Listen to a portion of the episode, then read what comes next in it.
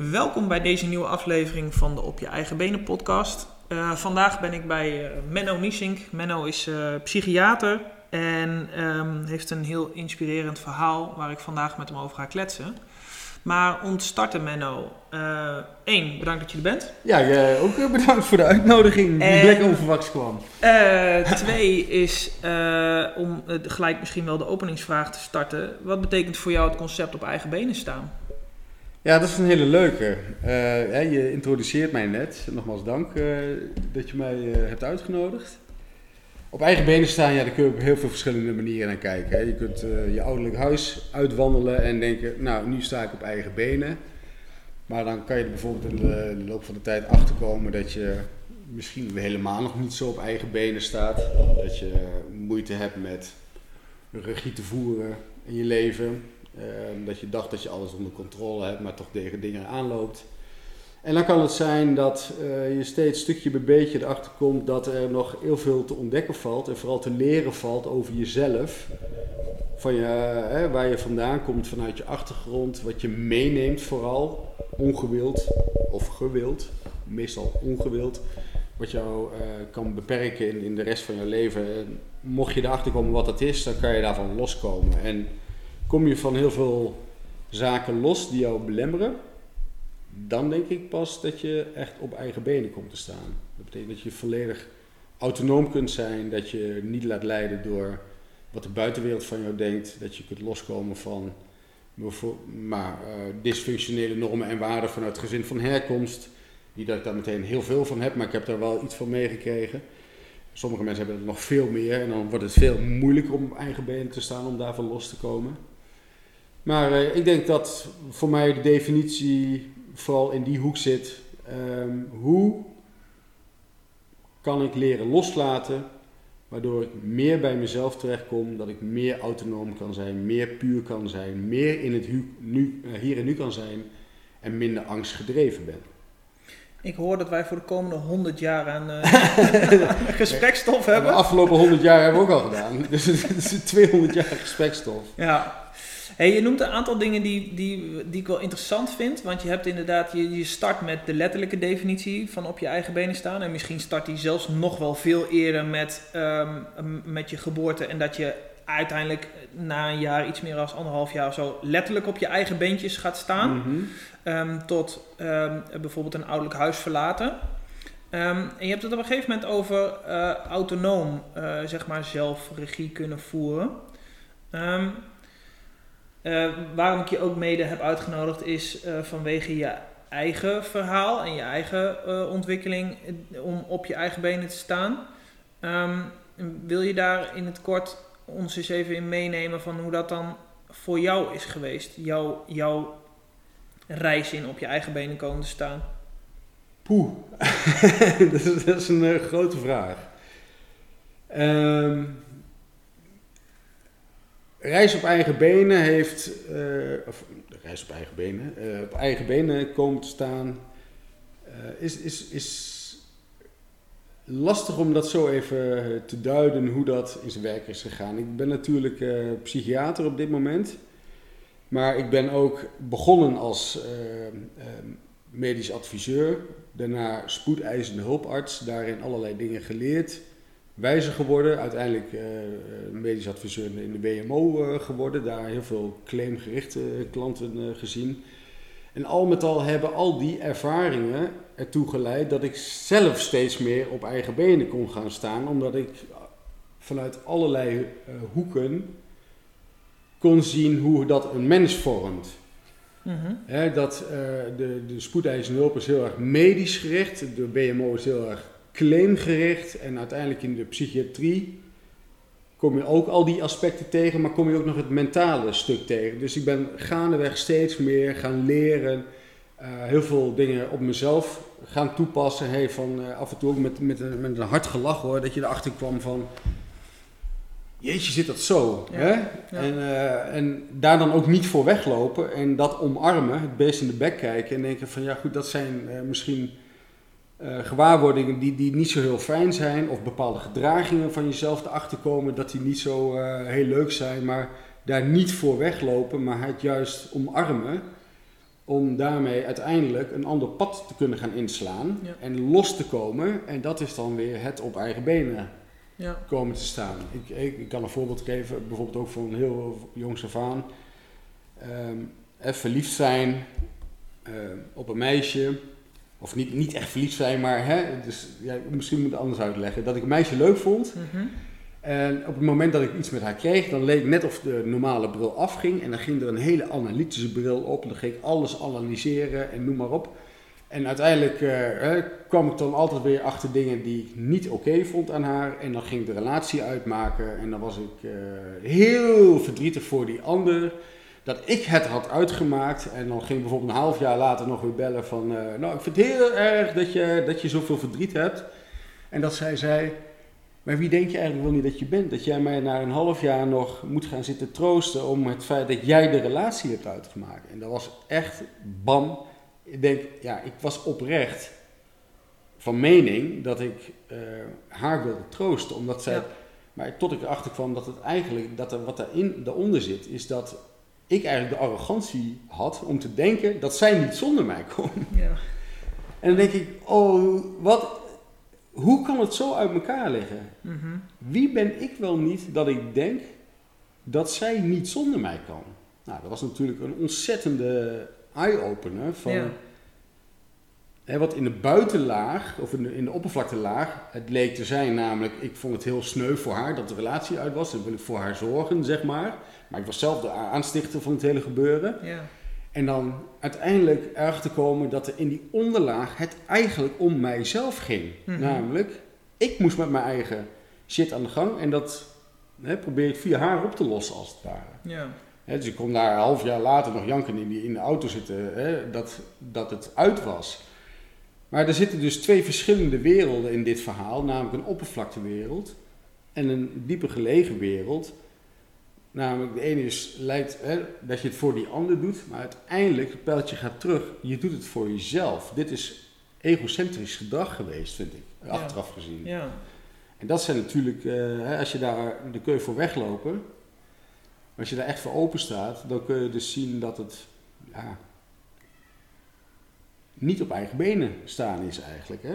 Dus, wat ik in je verhaal hoor, wat ik mega interessant vind, is dat je je koppelt iets met een hele goede intentie, met een bepaalde kennis die je achteraf hebt, aan, ehm, aan iets wa- wat je misschien niet zo heel erg mooi vindt aan jezelf. Maar dat neemt niks weg aan wat jouw intentie op dat moment was. Want jouw intentie was op dat moment, ik wil één, ik wil een relatie hebben met diegene, en dat vind ik dan leuk. En op een gegeven dacht moment ik, ja. ja, op ja. een gegeven moment krijg ik een andere bril op. En met die andere bril ga ik anders kijken. En dan ga ik er op een gegeven moment ga ik dingen zien. Dan maak ik een beslissing.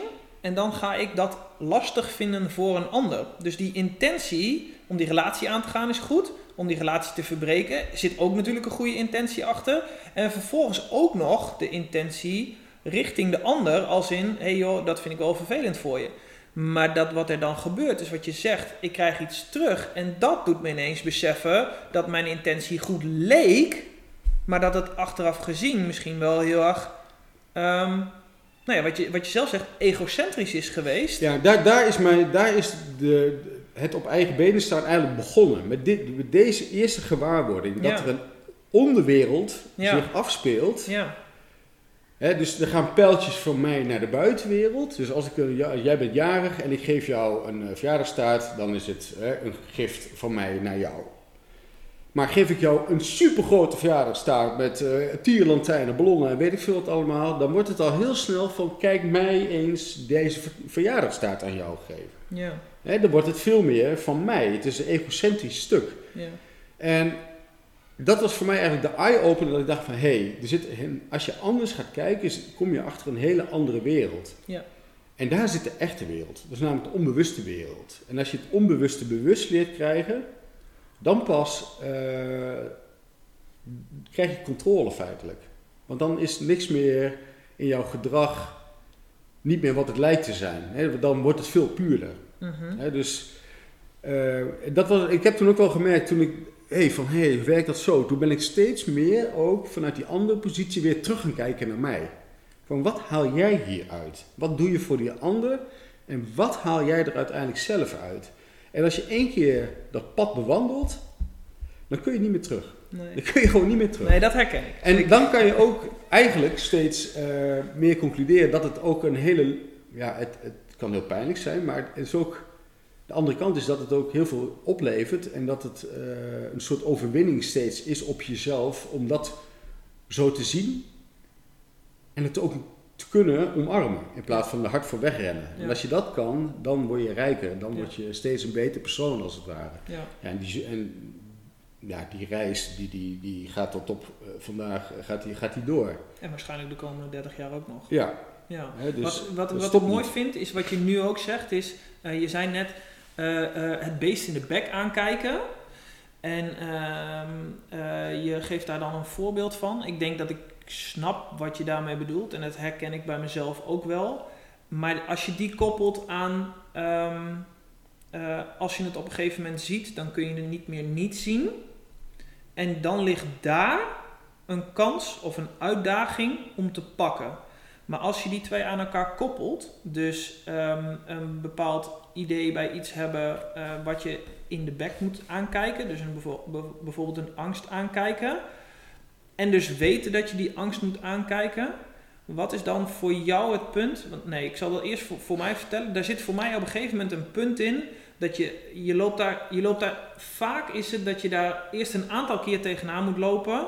Dat je denkt, ah kak, ik doe het weer zo. Mhm. Vaak zijn er patronen in jezelf. Je noemt zelf ook even eh, dingen in je eigen gedrag bijvoorbeeld die je ziet van jezelf, die je herkent van jezelf, die niet heel tof zijn. Maar als je ze gaat zien en je gaat er iets bij voelen en het dan eh, aan te pakken om ermee aan de slag te gaan, eh, dat is wel, daar heb je een aantal vaardigheden voor nodig die ik wel heel erg lastig vind. Ehm, maar waarbij ik wel benieuwd ben hoe jij dan naar, daarnaar kijkt. Want als ik voor mezelf eh, eentje neem, dan ik denk dat ik makkelijk eh, kies voor de, voor de makkelijke weg om bijvoorbeeld iets niet te confronteren. Bij een Ja, ander niet, maar ja. ook bij mezelf niet. En Ja. als ik daar dan bij wegblijf, dan levert me dat korte termijn De chocoladetaart noem je dat dan maar? ja, korte termijn positiviteit en lange termijn heb ik elke keer dat, dat ik denk, oh dat was fijn. En dan een uur later denk ik, oh kak, weet je, nu Ja. zit ik weer, ben ik weer tegen mezelf aangelopen. Ja, ja, dus ik noem dat niet vaardigheden, maar dat is. ehm, kijk, op een gegeven moment loop je tegen dingen aan. En eh, wat je wil is eigenlijk het minst pijn lijden Ja. ergens van. Maar als jij dus merkt van ik heb in de korte termijn heb ik nu even wat minder pijn geleden, maar in de long- lange termijn heb ik, lijd ik wel pijn, dan is het aan jou hoe vaak jij dit wil Ja. opzoeken, totdat je kotsbeu wordt van je eigen gedrag, totdat je de ommezwaai maakt. Ja. En dat is nodig. Dus als jij dat blijft doen, dan zou je bijna kunnen zeggen, dan ben je cognitief aan het dissoneren om elke keer maar weer goed te praten wat je verkeerd doet. Want anders stopt het namelijk. Als jij dus op in, in, hè, dus je hebt de chocoladetaart, dat is in de, de korte termijn. Hè, die is lekker, die is fijn, die, geeft een eh, lekker gevoel. En, eh, maar in de long run, dan zit je van ja, ik, word dik. En eh, ik, eh, door dik worden heb ik steeds minder conditie. Ik loop minder of ik sport minder. Dan kun je beter de salade pakken. De salade heeft wat minder pret in, in de, de korte termijn. En die heeft, geeft veel meer resultaat in de lange termijn. Dus als jij weet hoe je zelf in elkaar steekt, maar je blijft elke keer opzoeken datgene wat jou in de korte termijn iets oplevert, dan ga je steeds meer voelen in de, in, eh, hè, op de langere termijn van, verdomme, heb ik het weer gedaan. En op een gegeven moment kom je op een punt dat als jij weer hetzelfde gaat doen, dat je echt heel vol bewust, want eerst zou je kunnen zeggen, het schemert een beetje Mhm. tussen onbewust en bewust, Ja. maar dat je vol in bewustzijn jezelf aan het verlogenen bent. Mhm. Dus eigenlijk enorm gezichtsverlies aan het lijden bent. Want op een gegeven moment kun je het ook niet meer verkopen in de buitenwereld. Die gaat daar iets van vinden. Buitenwereld is best wel vergevingsgezind. Je mag best wel wat fouten maken. Maar blijf je dit steeds doen, bijvoorbeeld bij dezelfde persoon. Op een gegeven moment gaat die persoon zeggen tot hier en niet verder. Ja. En dan betekent het dat je dus, ehm, je, je weet hoe het zit en er niet naar handelt. Dat betekent dat je jezelf aan het verloochenen bent. En ik denk dat niemand eh, daar baat bij heeft. Dus op een gegeven moment word je gedwongen, het leven als het ware, stopt jou met het nog verder eh, door te gaan met, met dit gedrag eigenlijk. En dan word je gedwongen om een ander gedrag te gaan inzetten. Maar, je, hè, maar dat is weer beangstigend. Je, je kent die route niet. Mhm. Zo heb je het nooit gedaan. Je weet niet wat er te halen valt, waar je mee op je bek kan gaan. Dus hè, je bent bang voor eventuele andere angsten die Ja. eh, op kunnen doemen. Ja. Dat noem je weer anticipatieangst. De slechtste raadgever die, eh, die je kunt hebben. Als jij je mindset kunt veranderen van... Als ik dit door blijf doen zoals ik altijd deed, weet ik sowieso dat ik in de, in de, hè, in de afgrond stort. Ja. Dus alles, ook maar is het maar een mini dingetje wat ik nu anders doe dan wat ik altijd deed, is al een stap vooruit. Ja. En als je er zo naar kan kijken, dan voel je misschien al meteen van, dan hoeft het ook niet zo groot te zijn om een stapje te zetten. Maar mensen maken het veel te groot. Ja. Hè, die willen van eh 0 naar 100 eh, Ja. binnen een seconde. Ja. Terwijl je misschien eh, eerst eens eh, hè, naar 100 meter moet en hè, steeds met kleinere stapjes een, een stukje opschuiven. Ja. En in die kleine stapjes dat je steeds daarin je angst reguleert. Ja. Ja. Want anders wordt het een hele grote stap die een hele grote muur van angst opwerpt en die is gedoemd te mislukken. En, die En dat is een mindset. Voor, en die zorgt er ook voor dat je niet in beweging komt. Ja, dus die houden jou vast, waardoor je weer gaat denken, nee, het oude was toch beter. Nee, Ja. je weet eigenlijk al, dat is niet beter. Nee. En dan kom je op een gegeven moment vanzelf op, eh, op een splitspunt uit van, ja, ik kan nu wel weer in het oude eh, gedrag gaan blijven vervallen, maar dan, dan ben ik echt mezelf aan het. Dan kan ik mezelf niet met een spiegel aankijken. En mensen zullen dat niet doen. Tenminste, ehm, Nou, op een gegeven wel denk ik. je- Hè? Dus als je echt intro- introspectief bent, dan zul je daarvan afstappen. Ja, maar op een gegeven moment krijg je dat, eh, en dat vond ik een mooie metafoor, ik weet niet precies waar ik hem gehoord heb, maar eh, je, lichaam, je lichaam heeft altijd gelijk. Dus je lichaam gaat eh, bij, bij dit soort situaties die jij schetst, van hey, je laat gedrag zien, op een gegeven moment word je je daar bewust van. En ehm, dan gaat je lichaam op een gegeven moment signalen afgeven. Ja, stresssymptomen. Hè? stresssymptomen? Ja. verhoogde spierspanning, wat meer transpireren, verhoogde hartslag, ademhaling gaat omhoog, hè? die zit heel erg in je borst en nou, benauwd Slechte gevoel, slapen, piekeren. slechte slapen, dat. Eh, maar dat zijn eerste signalen. Uiteindelijk, eh, van daaruit zou je, wat jij dan zelf zegt, vanuit een bewustzijn een andere keuze maken om in een klein stapje de volgende, eh, eh, die angst, klein stapje aan te gaan. Maar op een gegeven moment, wat je steeds meer ziet, want het zijn meer dan een miljoen mensen die stressgerelateerde klachten hebben in Nederland. En burn-outs schieten de pan uit. En dat is eigenlijk het punt dat je lichaam zegt, dat is eigenlijk een soort van laatste fase. Want je lichaam stopt er dan gewoon letterlijk mee. Ja, je kunt dan gewoon jou, ja. niet meer. Dus het, wat jij zegt inderdaad, het leven stopt jou. Betekent dan, ik krijg die burn-out. Of ik ga naar het ziekenhuis omdat ik uh, problemen met mijn hart of noem het allemaal maar op. Ja, die dwingt Dus- jou. Je moet dan Ja, je kunt tot die tijd kun je vanuit verlangen sta- starten met iets, met iets om jezelf te verbeteren. En anders gaat het leven jou, je lichaam, je lijf, het instrument wat jou in leven houdt, die gaat je op een gegeven moment wel zeggen: Oké, nou, nou heb je lang genoeg niet geluisterd naar het leven en naar mij. ja. Dan gaan wij het van je overnemen. En dan kom je dus in de burn-out. En van daaruit zie je vaak dat het voor mensen veel makkelijker is om dan ineens te zeggen: Oh, ik ga wel stoppen. En ik ga het wel anders doen. Dat betekent niet in één keer dat je hele gedrag veranderd is. Maar dan heb je wel een stuk intern aangezet. Waardoor je donders goed weet wat je voor die tijd ook al wist. Maar dan ga je in één keer wel dat aanpassen. En dat is een beetje, zeg maar, degene die bijvoorbeeld ehm, eh, eh, eerst eh, zich moeten laten dotteren. Omdat ze dan pas gaan stoppen met roken, bijvoorbeeld. Of eerst met longproblemen om nou ja, wel aan die conditie te gaan werken. Of inderdaad, misschien wel 150 kilo wegen en eigenlijk hun eigen trap niet eens meer op kunnen naar boven. Waardoor ze beneden liggen en dan zeggen, hmm, misschien... Maar dan, dan nog is het gevaar dat als dat even in de korte termijn weer verholpen is, Ja. dan is het weer terugvallen. Ja. Want eh, hier spelen verschillende mechanismen. Hè. Een mens, daar hebben we het even, waar kom je vandaan? Ja. Wat heb je geleerd? Hè, dus ehm, stel, ehm, jij bent mijn vader, jij sloeg mij altijd en ik ben een vrouw. Hè, dan heb ik dikke kans dat ik een partner uitzoek die mij ook slaat. Waarom? Dat is vertrouwd. Dus wat doen mensen? Die doen wat aangeleerd is en wat vertrouwd is. En dat hoeft helemaal niet te betekenen dat het goed voor je is. Dus als jij een, eh, een leuke partner voorbij bent en die komt met eh, doosjes messie en bloemetjes aanzetten, dan denk ik, Omdat het niet vertrouwd is. Wat voor een adder zit hier onder het gras? Ja. Sla mij maar, want dat ken ik. Dan weet ik mijn rol. Een rol is een belangrijke. Hè, wanneer, je, wanneer kom je los van je rolpersoon en wanneer word je je echte persoon? Dat is nog even een vraagje ernaast. Vandaar is alles waar zelfontwikkeling over gaat. Mhm. Dat je de rollen los weet te laten en dat je puur en, ik, je, puur en alleen jezelf wordt. Maar, ehm eh, wat wil ik nog zeggen? Altijd, dus zoveel. Dus, ehm nou, dan ben ik het kwijt. Eh, dat is ook niet de eerste keer dat het zo gaat. Maar ja, oh, het vertrouwde. Hè? Dus als jij altijd het vertrouwde opzoekt, wat mensen doen als hun coping, hè, dus het doen wat vertrouwd is, en dat kan, een coping kan functioneel of dysfunctioneel zijn, van hoe ga ik met mijn probleem om, is dat, dat eh, eh, als dat niet werkt, dan zijn mensen geneigd om nog harder dezelfde coping te gaan toepassen. Met andere woorden, ze drijven zichzelf nog verder naar de afgrond. Omdat, dat, eh, omdat ze niet in staat zijn om van het vertrouwde stuk af te stappen en te gaan doen wat goed voor hen is, want dat is niet vertrouwd. Dus dan zie je dat eh, mensen eigenlijk altijd eerst een soort crisis nodig hebben, Mhm. waarin ze geen keuze meer hebben.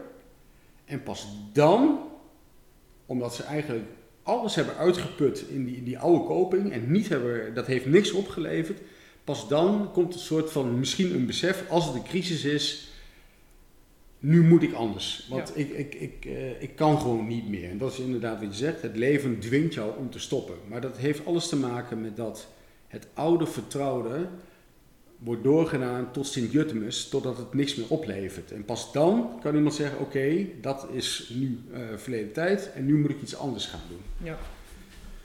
Dus, eh, dus ja, dat is, er zijn maar weinig mensen die niet eerst met de rug tegen de muur staan en die dus eigenlijk naar zichzelf kunnen kijken en zien van ja, op het pad waar, wat ik nu aan het bewandelen ben, dat gaat in de long run gaat dat niet goed komen.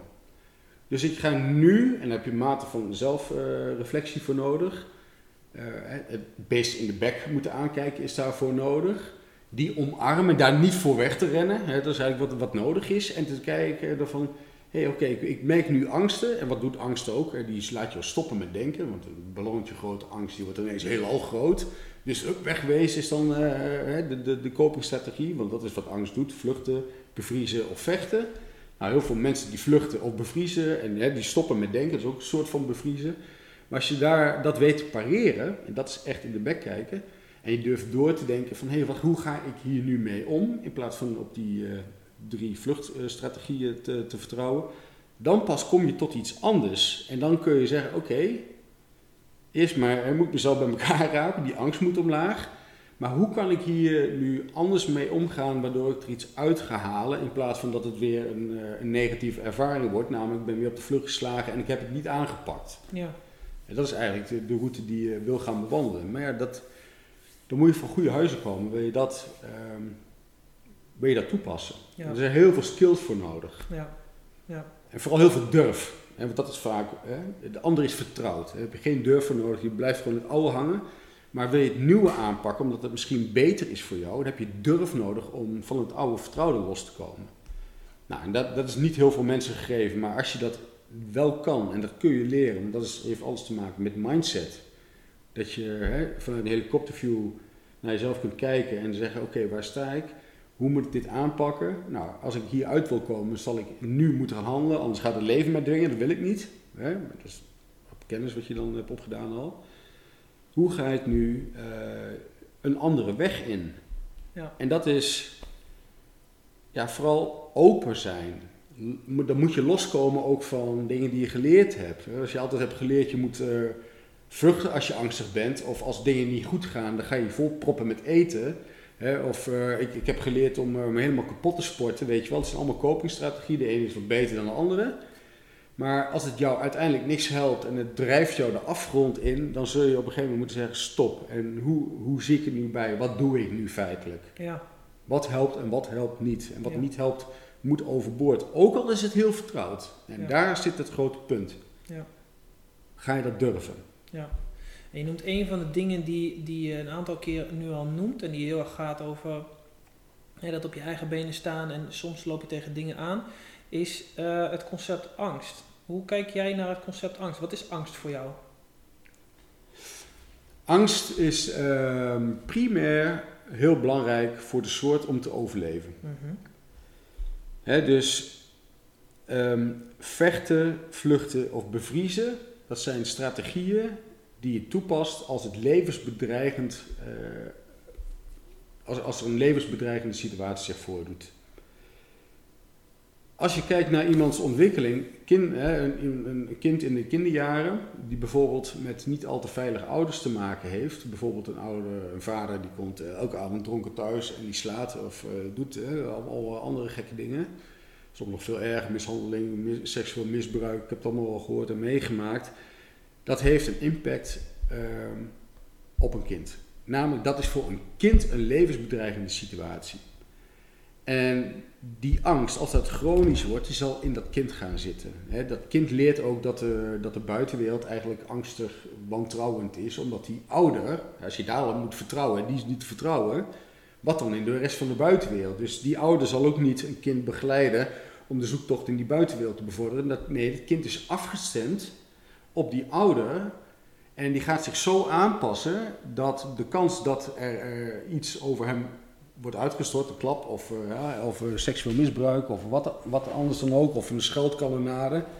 Hè, dat zal een kind die zal zich eh, proberen daarvan los te maken. Die gaat zich op de vlakte houden. En dat is super bedreigend voor een kind. Dus dat is eigenlijk een levensbedreigende situatie voor een kind. Nou, die heeft allerlei strategieën om daarvan los te komen. Gaat het je hele opvoeding zo door, en dan heb je dikke kans is dat je dus eigenlijk een niet normale situatie hebt aangeleerd. Namelijk een veilige thuissituatie, die is heel onveilig geweest, daar ga je op aanpassen. En dan kom je later in de, in de, in de buitenwereld terecht en dan sta je eigenlijk nog steeds feitelijk in diezelfde overlevingsstand. En dan moet je dus ineens met ehm, situaties dealen die jij helemaal niet kent vanuit, vanuit jouw vroegere situatie. Dus dat betekent ook dat je heel wantrouwend kunt zijn, omdat jouw ouder bijvoorbeeld heel eh, naar naar jou is geweest. Dus daar heb je wantrouwen uit opgebouwd. Dus dan kijk je, als iemand naar jou toe komt en die heeft de goede bedoelingen, dat je nog steeds heel wantrouwend kijkt naar iemand met goede bedoelingen. En dat je het eigenlijk veel normaler vindt dat iemand jou besodemietert. En dat is wat je kent. Hè? Of iemand jou bedreigt. Of, dat is dan jouw normale wereld. Nou, dat noem je dan een persoonlijkheidsgestoorde ontwikkeling die je hebt doorgemaakt. En dat, dat kan dan op verschillende wijzen kan dat zich, eh, zich vormgeven. Maar dat is bij uitstek waar heel veel mensen last van hebben. Wat angst is, wat ze niet zozeer voelen als hey, er staat een beer op de weg. Of een beer die valt mij aan. Maar het is meer een beer op de weg ervaren. Overal een probleem inzien. Of het een gevoel van onheil boven hun hoofd hangt. Hè. Dus, ehm, en dat, het mens zijn probeert dat ook weg te maken. Dus de kans zijn dat je daarbij vanuit je angstgevoelens, dat je er allerlei cognitieve copingstrategieën op moet ontwikkelen om het weg te maken. Dus als ik heel angstig ben over een bepaalde situatie, kan ik bijvoorbeeld heel hard gaan nadenken en elke keer langs moeten lopen om dat gevoel wat eronder ligt eigenlijk te onderdrukken. En dat noem je piekeren. Dus dat loop je het hele tijd langs om zeg maar dat gevoel van ik heb geen controle over die angst om dat weg te maken. En dat is natuurlijk slopend. Dus deze mensen, die, die, die angst, die vreet hun energie op. Waardoor het eigenlijk ook, als je heel angstig bent, zie je ook veel meer bedreigende dingen in de buitenwereld. Dus als jij je angst meer onder controle krijgt, dan pas kan er een gordijntje opengaan en kun je rustig de wereld inkijken. Maar ga dat dus maar eens bewerkstelligen bij mensen die een hele vervelende jeugd hebben meegemaakt, vol met beangstigende dingen. Hè? Of, Ja. of, eh, en, maar wat ook heel erg kan zijn, is bijvoorbeeld ouders die niet aanwezig zijn geweest. Hè? Of ouders die jou een klap geven en daarna jou een, eh, een, een, eh, optillen en jou een kus geven. Dat is super verneukeratief allemaal. Dus die kinderen weten absoluut niet wat ze aan zo'n ouder hebben. En weten dus uiteindelijk ook niet hoe de wereld in elkaar steekt. Nee. En ook niet wat ze met hun gevoelens aan moeten. Als er geen ouder is die hun daarin zeg maar stuurt. Of daar een spiegel hè, voor hangt. Van, goh, heb je, eh, heb je pijn gedaan? Kom eens even hier, krijg een knuffel. Mhm. Hè, dan valideer je dus een kind. Maar deze kinderen uit dergelijke milieus, die, ja, die blijven met een ja, niet ontwikkeld zelfbeeld achter. Hè, wat gepaard gaat met een superhoog angstniveau. En die moeten dus met weinig geleerde uh, kwaliteiten, want die ouderen staan niet, hè, die hebben vaak hun eigen shit vanuit hun opvoeding weer. Die leren jou niet hoe je normaal het leven instapt. En dat je uh, vol vertrouwen, uh, dat je een goed ik-beeld hebt. Dat je zegt, nou, dit ben ik en daar sta ik voor en zo stap ik de wereld in. Nee, ik ben niks, ik ben hartstikke bang en ik moet die wereld in. Moet, hè, dat is ook weer een angststukje. En ja, die mensen die, die, die, ja, die hebben een grote moeite om, uh, om hun plek te vinden en regie te voeren in die wereld. Want daar heb je bepaalde kwaliteiten voor nodig die een oudere jou eigenlijk moet aanreiken. Ja. Dus angst is een bazaal um, mechanisme wat de soort doet helpen overleven. Maar het kan ook heel makkelijk uh, als um, angst opleveren die veel te groot worden en die ook behoorlijk afremmen. En dat is denk ik waar iedereen zich wel ook in herkent. Is dat je bang voor dingen kunt zijn die je eigenlijk niet goed kunt verklaren waarom je daar zo bang voor bent. En als je daar naar wil, eh, naar kijken van waar komt dat vandaan, is het zaak om naar je verleden te kijken. Want soms kun je één op één terugleiden in een situatie in het hier en nu. Hè, dat het te maken heeft met de oude uh, in jouw jeugdjaren dat je eigenlijk in een soortgelijke situatie bent geweest ehm, in je jongere jaren. dus eh, stel, jij sloeg mij, jij bent mijn vader, jij sloeg mij altijd en kom iemand in het hier en nu tegen die uh, op jou lijkt of die ook een bepaalde uh, ja, maniertjes heeft. En dat betekent eigenlijk dat ik alweer bang word voor jou, alsof ik bang werd voor mijn vader vroeger. Ja. En ik ga terug in de tijd als het ware, ondanks dat ik in het hier en nu blijf. En ik ga eigenlijk mijzelf weer net zo voelen als toen mijn vader tegenover mij stond.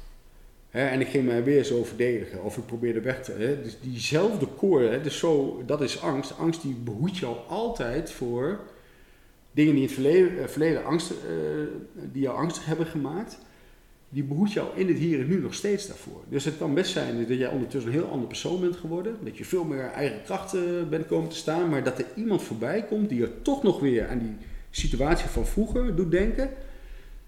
Onbewust is het dan over het algemeen. En dan komt datzelfde gevoel weer omhoog. Want jouw onderbewuste die zegt eigenlijk hiervoor moet je uitkijken. Dat is opgeslagen. Dat is uh, van levensbelang om daar weer uh, op te handelen. Terwijl je eigenlijk iets zegt, ja, maar ondertussen, ik ben veel sterker geworden en ik ben een heel ander persoon, dus die persoon doet mij helemaal niks meer. Kan zijn dat je dat nog steeds blijft voelen. En dat is ook wat angst doet. Die is heel erg gericht om de soort te laten overleven. En dat zit dus in mens en dier, zit dat gewoon verankerd. En dat kun je heel makkelijk versterken. En je kunt het veel, makkelijk veel minder makkelijk versoepelen. Ja omdat het, daar heeft de evolutie geen belang bij dat de angst vers, uh, verslapt. Nee, die moet hoog blijven om de soort te laten overleven. Ja, dus angst is een concept wat, wat voor iedereen, uh, wat iedereen in zich heeft en wat dus in de basis iets positiefs is. En aan de andere kant is het dat iedereen angst op een andere manier ontwikkelt. En dat hangt dus even af wat jij zegt. Ja, Hè, van, van wat je in je verleden meemaakt um, en hoe je daar vervolgens, uh, als je groter bent, hoe je daar dan mee omgaat. En dat verklaart dus ook dat de een bijvoorbeeld wel bang is voor hoogte en de ander niet. Hè? Want als je vanuit jongs af aan meekrijgt, alles wat hoog is, dat is eng. En als iemand anders meekrijgt, alles wat hoog is, is leuk, dan heb je twee mensen die exact tegenovergesteld tegen dezelfde situatie aan kunnen kijken. Dus wat is er feitelijk aan de hand en wat is er uh, in jouw idee, in jouw angst aan de hand? Uh, dat is dan, een, dat is dan een, een verschil tussen die beide. En dat maakt ook dat het concept angst dus uh, ook voor een deel is hoe jij er zelf naar kijkt. Ja, dus als je het over de hoogte hebt, je kunt zeggen ik heb hoogtevrees. Hè, dan kan je coping zijn op hoogtevrees, ik ga vermijden. Dus ik ga niet een vliegtuig in om parachute te springen, noem wat. Maar sommige mensen die hebben een bepaalde angst en die gaan, een laag celbeeld, en die gaan dat proberen over te compenseren. Dat is het tegenovergestelde van vermijding. Dus die kunnen zichzelf wijsmaken, ik ga elke week het vliegtuig in en ik spring eruit. Ja. Maar daarmee bewijs ik dat ik niet bang ben voor die hoogte. Dus als je dat moet doen, betekent dus eigenlijk dat je wel bang bent voor die hoogte. dus een bepaalde angst kan zich op verschillende manieren ook uiten. Uh, sommige mensen die die, die, die, die kunnen bijvoorbeeld conflictmijdend zijn, hebben ze niet in de gaten, maar die gaan niet tegen iemand in. Want ehm, dat is hun manier om bij die angst weg te blijven. Want ga je tegen die angst, of ga je tegen die persoon in, dan worden ze eigenlijk heel bang wat die ander van, van hun gaat vinden als zij gaan opstaan. Want dat hebben ze vroeger geleerd. Dus die persoon kan best wel zeggen, ja, maar ik ben helemaal niet bang. Nee, maar ja, conflictmijdendheid is een uiting van angst. Stress is ook een uiting van angst. En ik heb sommige mensen inderdaad, die zeggen, zo, maar ik ben helemaal niet bang. Terwijl in hun gedrag aan alle kanten te zien is dat ze alles vermijden. En dat is hun copingstrategie om die angst niet te hoeven voelen. Maar Ja. daar moeten ze ook van alles voor, eh, voor ja, aan de kant zetten eigenlijk. Dus ik kan altijd in mijn huis blijven zitten en zeggen, maar ik ben nog niet bang. Ja, totdat je eh, je huis uit moet als je een cla- hè, claustrofobisch bent en je moet eruit en dan de buitenwereld in. Hè, dan zul je wel merken dat je bang bent. Maar in je kleine kasteeltje, hè, ja, al je veilige omgevingje, daarin hoef je dan die angst niet te ervaren. Maar dat is een, zou je kunnen zeggen, een dysfunctionele coping. Ja, die persoon zal zeggen, ja, maar het is functioneel. Ja, maar je mist heel veel ook. Ja. Hè? Dus dan is het zaak van sommige mensen die hebben dysfunctionele copingstrategie ontwikkeld. Die bijvoorbeeld drinken, drugsgebruik. Je zou kunnen zeggen eh, verslaafd zijn aan sport. Dat lijkt dan veel beter, maar het is eigenlijk hetzelfde mechanisme. Uiteindelijk gaat het ook ten koste van jezelf. Dus hoe kun je meer een functionele coping daar tegenover zetten? Daar heb je veel meer aan. Eh dat kan best zijn dat je dan niet helemaal moet verliezen in sporten, maar het, het vult een leegte op als het ware. Ja. Dus mensen met, eh, met trauma in hun verleden, vanuit een opvoeding, die, die niet hebben geleerd van hun ouder hè, op zichzelf te vertrouwen, hè, omdat ze de toesting hebben gekregen om de buitenwereld te ontdekken, die, die blijven met een soort lege koor achter. Hè. Weinig gevoel van geborgenheid of verbondenheid met anderen. Hechting is een heel belangrijk ding, wat dus achterwege blijft bij dit soort opvoedingen ja, die moeten het maar zien te redden met hunzelf. Dus als jij, wat jij net ook zei, goed aansluit bij een kind, of, in het voorgesprek eigenlijk, aansluit bij een kind, betekent dat je het kind zeg- toestemming geeft, toe maar, ik sta achter jou, ga de wereld maar ontdekken. En als het niet lukt of je bent bang, dan kom je maar terug. Dus je, je bent sturend, maar tegelijkertijd regie bevorderend. Hè? En dat is wat een kind nodig heeft. Dus die leert dat door op zichzelf te vertrouwen en dat versterkt het zelfbeeld. En Wordt het zelfbeeld beter, gaat ook de angst omlaag. Dus ik zie die twee ook altijd samen. Dus het, de, het zelfbeeld omlaag gaat, gaat de angst omhoog. Of je maakt iets mee wat je angst doet eh, verhogen, dan gaat ook je zelfbeeld omlaag. Sommige mensen die kun je niet goed ehm, een beter zelfbeeld eh, laten aanleren, bijvoorbeeld door een psychotherapie omdat die angst veel te hoog is. Dus elke keer als ze iets aangaan, dan moeten ze over diezelfde drempel heen. Dan moet je eerst de angst omlaag helpen, waardoor ze meer vertrouwen krijgen. En pas dan kan die cascade in gang van succesje naar succesje en dat die angst gaat afnemen. Anders lukt dat niet. Maar dat doet gelijk het zelfbeeld een stapje geven, een Ja, boostje ja, geven. ja, ja. Want dus je als krijgt jij- meer vertrouwen. Ja, je Ja. kunt zeggen, hé, hey, eh, we gaan nu iets doen waar je je goed bij voelt. Maar als je dat al eng vindt om dat te doen, dan werkt die dus niet. Maar als je dus zegt, hé, hey, we gaan kijken of we die angst weg kunnen nemen in kleine stapjes, dan gaat je zelfbeeld automatisch omhoog. Ja. En dan ga je dus op een gegeven moment zeggen, oké, kom maar op. Ja, En dan Oké, zie je dus echt... dus, dus als je dan zegt, want, want de, de angst is best wel heel erg gerelateerd aan die zelfontwikkeling en eigenlijk op je eigen benen komen te staan. Want dat is dat kleine kindje wat ehm, eh, zal moeten leren vertrouwen op zijn eigen, letterlijk op zijn eigen beentjes om te kunnen lopen. En, op de ouder, hè? Op de ouder vertrouwen. Ja, in eerste instantie op Ja. de oude. Ja. En daardoor, hè, die ouder moet toestemming geven. Geef jij mij toestemming, dan durf ik. Ja. Hè? En als dat goed gaat, dan komt uiteindelijk de cirkel terug naar zichzelf. Ik kan dit wel, ik heb Ja. jou niet meer nodig. Ja. En dat is veilig. Ja. Maar dan sta je achter het kind en dat geeft hechting. Dat geeft een gevoel van geborgenheid. Ik zie dat altijd voor me als, hè, dat heb ik je al eens vaker verteld, een, eh, een, een gat in je borstkas. Hè, dat, dat is een gat. En als een ouder daar goed mee omgaat, die ziet het kind, die stimuleert het kind, die geeft het kind wat het nodig is, die spiegelt de emoties van het kind en laat het kind vooral voelen dat het oké is als kind. Dan gaat hier een soort zonnetje in dat gat gloeien en die blijft altijd aanstaan. Dus als jij als ouder dan de andere kant van naar de wereld gaat, dat kind zal zich altijd verbonden voelen. Die zon die zal blijven gloeien in die borstkas. Dat is eigenlijk de verbinding met die ouder. Maar kom jij uit een verwaarlozend eh, milieu of een mishandelend of seksueel misbruik milieu, ja, daar heb je dus zoveel trappen op je zelfbeeld gehad, is dat niks van dat zelfbeeld overblijft. Die mensen die kunnen zichzelf eigenlijk niks waard vinden. Het kan zelfs zo zijn dat ze jou niet durven aankijken. Als je niet uitkijkt, dan wordt dat bij autisme genoemd. Even waar ik echt pisleen van kan worden dat het zo gaat. Mhm. Het gaat erom, die mensen hebben zo weinig vertrouwen in zichzelf, vinden zichzelf niks. Dan is het ook heel logisch dat ze denken dat die ander dat ook van hun vindt. Ja. Dus die personen, die kunnen naast hun ouder op de bank zitten. En die hebben nog steeds dat zwarte gat in die boskas. Die zullen zich overal waar ze komen onverbonden voelen. Ja. En dan zie je dus dat deze mensen vaak gaan vluchten. Die denken, als ik nou naar een andere stad ga of naar een ander land, dan ga ik daar opnieuw beginnen en dan ben ik er vanaf. Nee, het zit in hun, dus het volgt hun. Dat is nooit weg.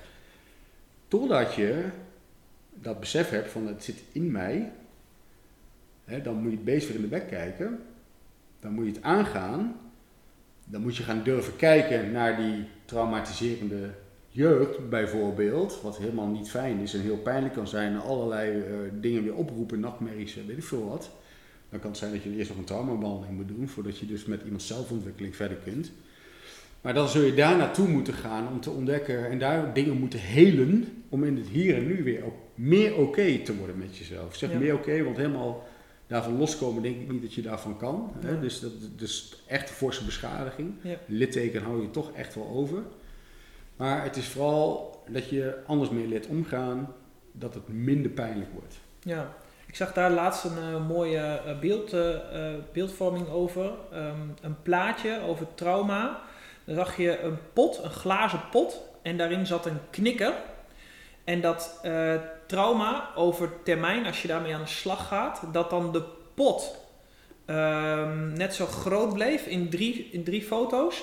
De pot bleef net zo groot, maar het balletje werd kleiner. Um, en uh, daar stond eentje onder en die zei van wat trauma eigenlijk is, is dat die pot in eerste instantie met een bal gevuld is, maar dat niet de bal kleiner wordt. Dus het trauma wordt niet minder, maar wat je doet is je maakt de pot groter. Dus de pot is dan in drie fases, is dan het balletje net zo groot, maar de pot is groter. Omdat het trauma er niet, uh, niet, niet is. Het trauma is er, dat litteken is er, alleen uh, uh, je kunt er beter mee omgaan. En dat is natuurlijk wat je lijf letterlijk doet. Als je een snee maakt in je arm, dan komt daar bloed uit. Uiteindelijk komt daar dus eerst een korstje op en uiteindelijk komt daar dan een litteken op. Dus je lichaam herstelt dat dan en daardoor wordt het weer wat steviger. Want dat korstje is minder stevig. En dat litteken is dan heel stevig. Ik denk, ja, ik denk meteen dan, als je dit zo zegt, ik zie het meteen in iets andere vorm, dat de pot inderdaad iets groter wordt, maar het balletje ook kleiner. Want je kunt wel stukken deels weghalen, dus jouw koping, dat is eigenlijk de pot zeg maar. Hè? Ja. Maar de zwaarte van, en even los van hoe je ermee omgaat, je kunt ook bijvoorbeeld met EMDR toch wel echt dingen van het trauma wegfilteren. Even los van hoe je daarmee omgaat. Dan wordt het automatisch dat je daar ook anders mee omgaat, omdat de lading eraf wordt geknipt. Ja, als het ja, ja. Dus het balletje wordt denk ik ook kleiner. De andere kant leer jij anders ermee om te gaan. En dat is eigenlijk hoe die pot ook groter wordt. Dus ik denk, en, en misschien wel meer passend is. Nou ja, dat is ook een mooie. En ik vind de metafoor die je net zei over, over een soort van gloeiende zon in je, die heb ik wel eens vaker gehoord. Die vind ik wel heel tof. En welke ik daarbij hoorde was eigenlijk dat, dat iedereen die gloeiende zon in zich heeft. Alleen dat je als kind in het opgroeien, dat er eigenlijk een heleboel dekens overheen komen. En die dekens die zijn dan de beschadigingen. En als jij leert met je trauma's bijvoorbeeld om te gaan, die zon, die, dat licht, dat zal er altijd zijn. Alleen de vraag is, ehm, kun je dat zelf weer zo gaan zien? Nee, ik zie hem anders. Ik zie dat er een, ehm, je bent een, een, een ongeschreven blad hè, bij de geboorte. En daar zit al een gat in. Of dat, hè, een gat in de boskas noem ik dan even, niet een gat hoor. Mm -hmm. We hebben allemaal gaten overal. dat is Best wel veel trouwens. groot. Maar daar zit dus afhankelijk, en, dat, en daar komt mooi ook de rol van de opvoeding en die ouders omhoog. Je hebt natuurlijk een stukje genetica, hè, wat, wat een rol kan spelen, zodat je net iets meer uh, angst in je genen kunt hebben. Wat ook weer op een bepaalde manier uitwerkt hoe een ouder daarmee omgaat. Dus, want kinderen die meer bang zijn, die worden vaker beschermd, waardoor je eigenlijk de angst versterkt, in plaats van dat je ze meer autonoom maakt. Ja, dus precies wat je niet wil. Um, dus die rol van die ouder, die kun je zo heel mooi benadrukken, dat jij hebt als ouder een rol om in dat gat een zon te gaan creëren. Want die is er nog niet in mijn optiek. En dat gat kan leeg blijven of gevuld worden. Dus als ik jou stimuleer, Tom, wat ben je een lieve jongen en dit doe je nu niet goed en dat gedrag is niet zo oké, maar je bent een hartstikke, dat is gedrag afkeuren, maar niet de persoon. Heel veel ouders, zeker in de narcistische hoek, hè, die moeten zelf overeind blijven omdat ze een heel laag koor hebben, zeg maar. En dat kind wordt dan eigenlijk alleen maar de grond ingetrapt. Hè, dus daar kan zo'n zo zon niet ontwikkelen. Hè, dat kind is alleen maar afgestemd om die, bij die die agressie of die, die neerbuigendheid of wat dan ook, of die uh, stotenbehandeling weg te blijven van die ouder. Dus dat kind, dat, dat krijgt geen zonnetje. Maar als ik zeg, nou hier, ga maar aan, uh, wat, wat, vind je leuk? Of jij moet die kleren aan, anders uh, ziet de hele buitenwereld dat ik jou niet goed verzorg. Dan ben jij mijn uithangbord. Dat geeft ook geen zonnetje. Maar als ik zeg tegen jou, hey, jongen, wat, wat vind jij leuk? Waar sta je voor? Wat vind je leuk om te doen? Wat voor kleren wil je aan? Ik, dan ben ik jou aan het stimuleren om zelf die dingen te bepalen. En ik geef daar goedkeuring in. Dat geeft voor jou een goed gevoel. Maar ik, ik mag dat kiezen. En mijn papa die vindt het ook nog goed, goed dat ik dat kies. Wow, nou, als je iets uh, krachtig wil krijgen een kind. En dan gaat die zon gloeien. En als je dat dus lang genoeg doet, dan op een gegeven moment heb je hè, het, de potentie om die bal uh, te laten gloeien, die heb je volgebruikt. Dus na je 18e, 20e, dan, hè, dus het kan ook zijn dat je kunt het zien als ook een doosje wat open staat met de deksel. Daar kun je allerlei goede dingen ingooien. Ook allemaal dingen niet ingooien. Dus dat het doosje mooi gevuld is met allerlei kwaliteiten, dan gaat dat kind rijk de wereld in als het ware. Gooi je er niks in wat voor dat kind goed is, gaat uiteindelijk klepje dicht op je 18e, 20e, dan ben je doorontwikkeld. En dan blijf je dus met tekorten zitten. En die tekorten, die gaan schreeuwen in jou. En die tekorten moeten worden opgevuld. Dus dat betekent weer dat je in de kramp die tekorten gaat proberen op te vullen in de buitenwereld. Nou, dan merk je alweer, dat gaat dus in de kramp, die gaat precies het tegenovergestelde bereiken, omdat jij heel erg dat nodig hebt. En dat gaat soms ook ten koste van andere mensen, want die moeten jou vooral zien en daardoor zie je hun niet meer. En dan zie je zien dat je uh, in contact met die andere mensen een probleem gaat krijgen. Nou, dat noem je persoonlijkheidsproblematiek. Dat is vaak gerelateerd aan trauma. Ja. ADHD-mensen die zeggen eigenlijk, oh, er is geen trauma in, in de voorgeschiedenis. Maar een dergelijke opvoeding die chronisch niet goed loopt, is ook trauma. Dat wordt ook vaak gezegd. En dat is veel erger. We kennen natuurlijk trauma als, als zeg maar eh, iemand die... de in de, oorlog. Ja, dat. Ja. Of iemand, hey, je ziet dat iemand doodgeschoten wordt. Terwijl, ja. uh, hey, ik uh, hoorde laatst bij Robert Bridgman, uh, je hebt um, impacttrauma en een soort van procestrauma. En dat procestrauma is eigenlijk wat een opvoeding bijvoorbeeld is. Ja. Hey, ik ben stelselmatig 10, 15 jaar niet eens mishandeld maar ik heb continu te horen gekregen dat ik niet goed genoeg was, dat ik geen eigen keuzes kon maken, dat ik geen eigen regie kon voeren, dat ik dit niet mocht, dat ik dat niet mocht. Dus ik ben continu vanuit misschien wel de allerbeste intenties door mijn ouders klein gehouden. Maar op het moment dat ik in de eigen wereld moet komen, om terug te komen op hey, hoe sta je nou op eigen benen, dat ik dan ineens um, van mijn juf verwacht dat ze mijn, uh, mijn, mijn huiswerk bijna gaat voorzeggen. En dat ik misschien van mijn uh, trainer bij de voetbal ga verwachten dat hij uh, uh, mij continu uitlegt um, welke positie ik moet staan. En wat in, in plaats van dat ik dat zelf heb ontwikkeld, omdat ik zelf heb leren nadenken en bevestigd ben in hé, hey, het is goed dat je daar zelf iets in doet, uh, dat me dat continu bevestigt, heb ik alleen maar geleerd. Jij, een extern iemand, weet mijn waarheid, want ik heb geen eigen waarheid. Dus dat, is dan, dat noem je dan procestrauma. Hè? Dat impacttrauma, dat, dat kennen we allemaal. Maar dat procestrauma, ik denk persoonlijk dat dat best wel onderbelicht is. Maar dat het vaak wel heel veel duidelijk maakt in je huidige leven, in je volwassen leven. als je gaat terugkijken in je jeugd, hoe was dat dan? Hè? Hoe, Ja. hoe, hoe ben je opgegroeid? Hoe waren je ouders tegen je? Hoe was je omgeving tegen je? Wat heb je daar geleerd? Eh, wat mocht wel, wat mocht niet? Hoe mocht dat en hoe mocht dat niet? Die dingen die zijn voor mij allemaal wel heel erg belangrijk in dat stuk. En dat is dan om een soort van die cirkel rond te maken. Want dat vind ik heel tof aan het hele verhaal. Is dat als wij het hebben over ehm, op je eigen benen staan. En dat je mij even, even kort vertelt wat voor jou het concept betekent. En dat we eigenlijk via een omweg bij, bij eh, jeugd uitkomen. En dat het dus heel erg belangrijk is dat om op je eigen benen te kunnen staan, dat dat daar al begint. Hoe ga jij als Ja, en ouder dat je dus ook weet om? dat jij in het hier en nu, hoe jij hier en nu handelt, dat je durft te kijken, want heel veel mensen durven dat niet. Hè, of die, die willen hun, hè, als ze nog erkenning moeten krijgen van die ouder, die willen niet dat kwaad woord wordt gesproken over de ouder. Die, die voelen heel snel alweer dat schuld, schaamte en dat soort gevoelens opkomen, want die hebben die ouders eigenlijk in hun gedrukt. Ja. Dus die willen niet dat die ouders eh, hè, beschuldigd worden, want dat is wat zij hebben geleerd. Dat doe je niet bij die ouders.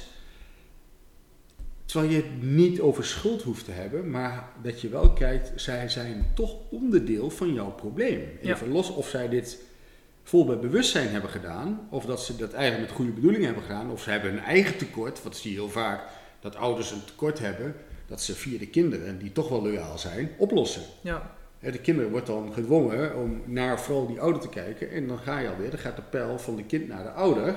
Dat noem je parentificatie, wat altijd een verkeerd iets is. In plaats van dat de pijl van de ouder naar het kind gaat. Ja. Dus het kind autonoom wordt gemaakt. Ja.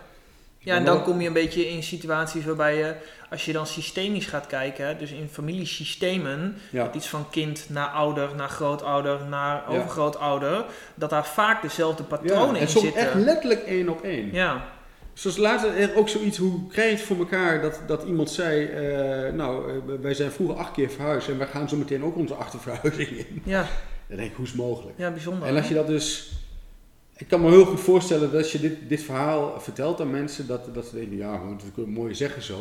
Maar als je aan deze kant van de tafel zit hè, met patiënten en je hebt heel veel van dit soort gesprekken, dan ineens zie je hoe vaak dit wel niet voorkomt. Het Ja. is niet normaal. Je had nooit kunnen bedenken dat het zoveel, Nee. dat het één op één letterlijk dezelfde verhalen zijn ongeveer.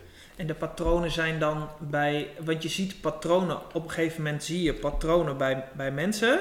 En iedereen heeft wel een eigen ander patroon, Ja. maar het is wel een patroon. En als je vaak met, met gaat kijken dan naar bijvoorbeeld ouders of naar grootouders en je gaat daar eens naar vragen, ja, dan, dan blijkt toch inderdaad wel vaak dat dat allemaal op hetzelfde neerkomt. Ja. Ja, dat is wel heel tof.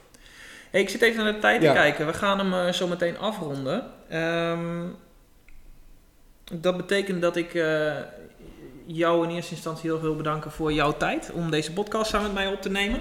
Ehm, ga ik nog even een kleine outro maken en dat betekent dat ik eh, jullie allereerst wil bedanken dat jullie hebben geluisterd. Ehm, als je dit nou een hele toffe podcast vindt, zou ik het heel tof vinden als je daar eh, een korte review of een een recensie over eh, zou willen achterlaten. Dat kan op Spotify. En dan rest mij nog één ding te zeggen en dat is tot de volgende keer.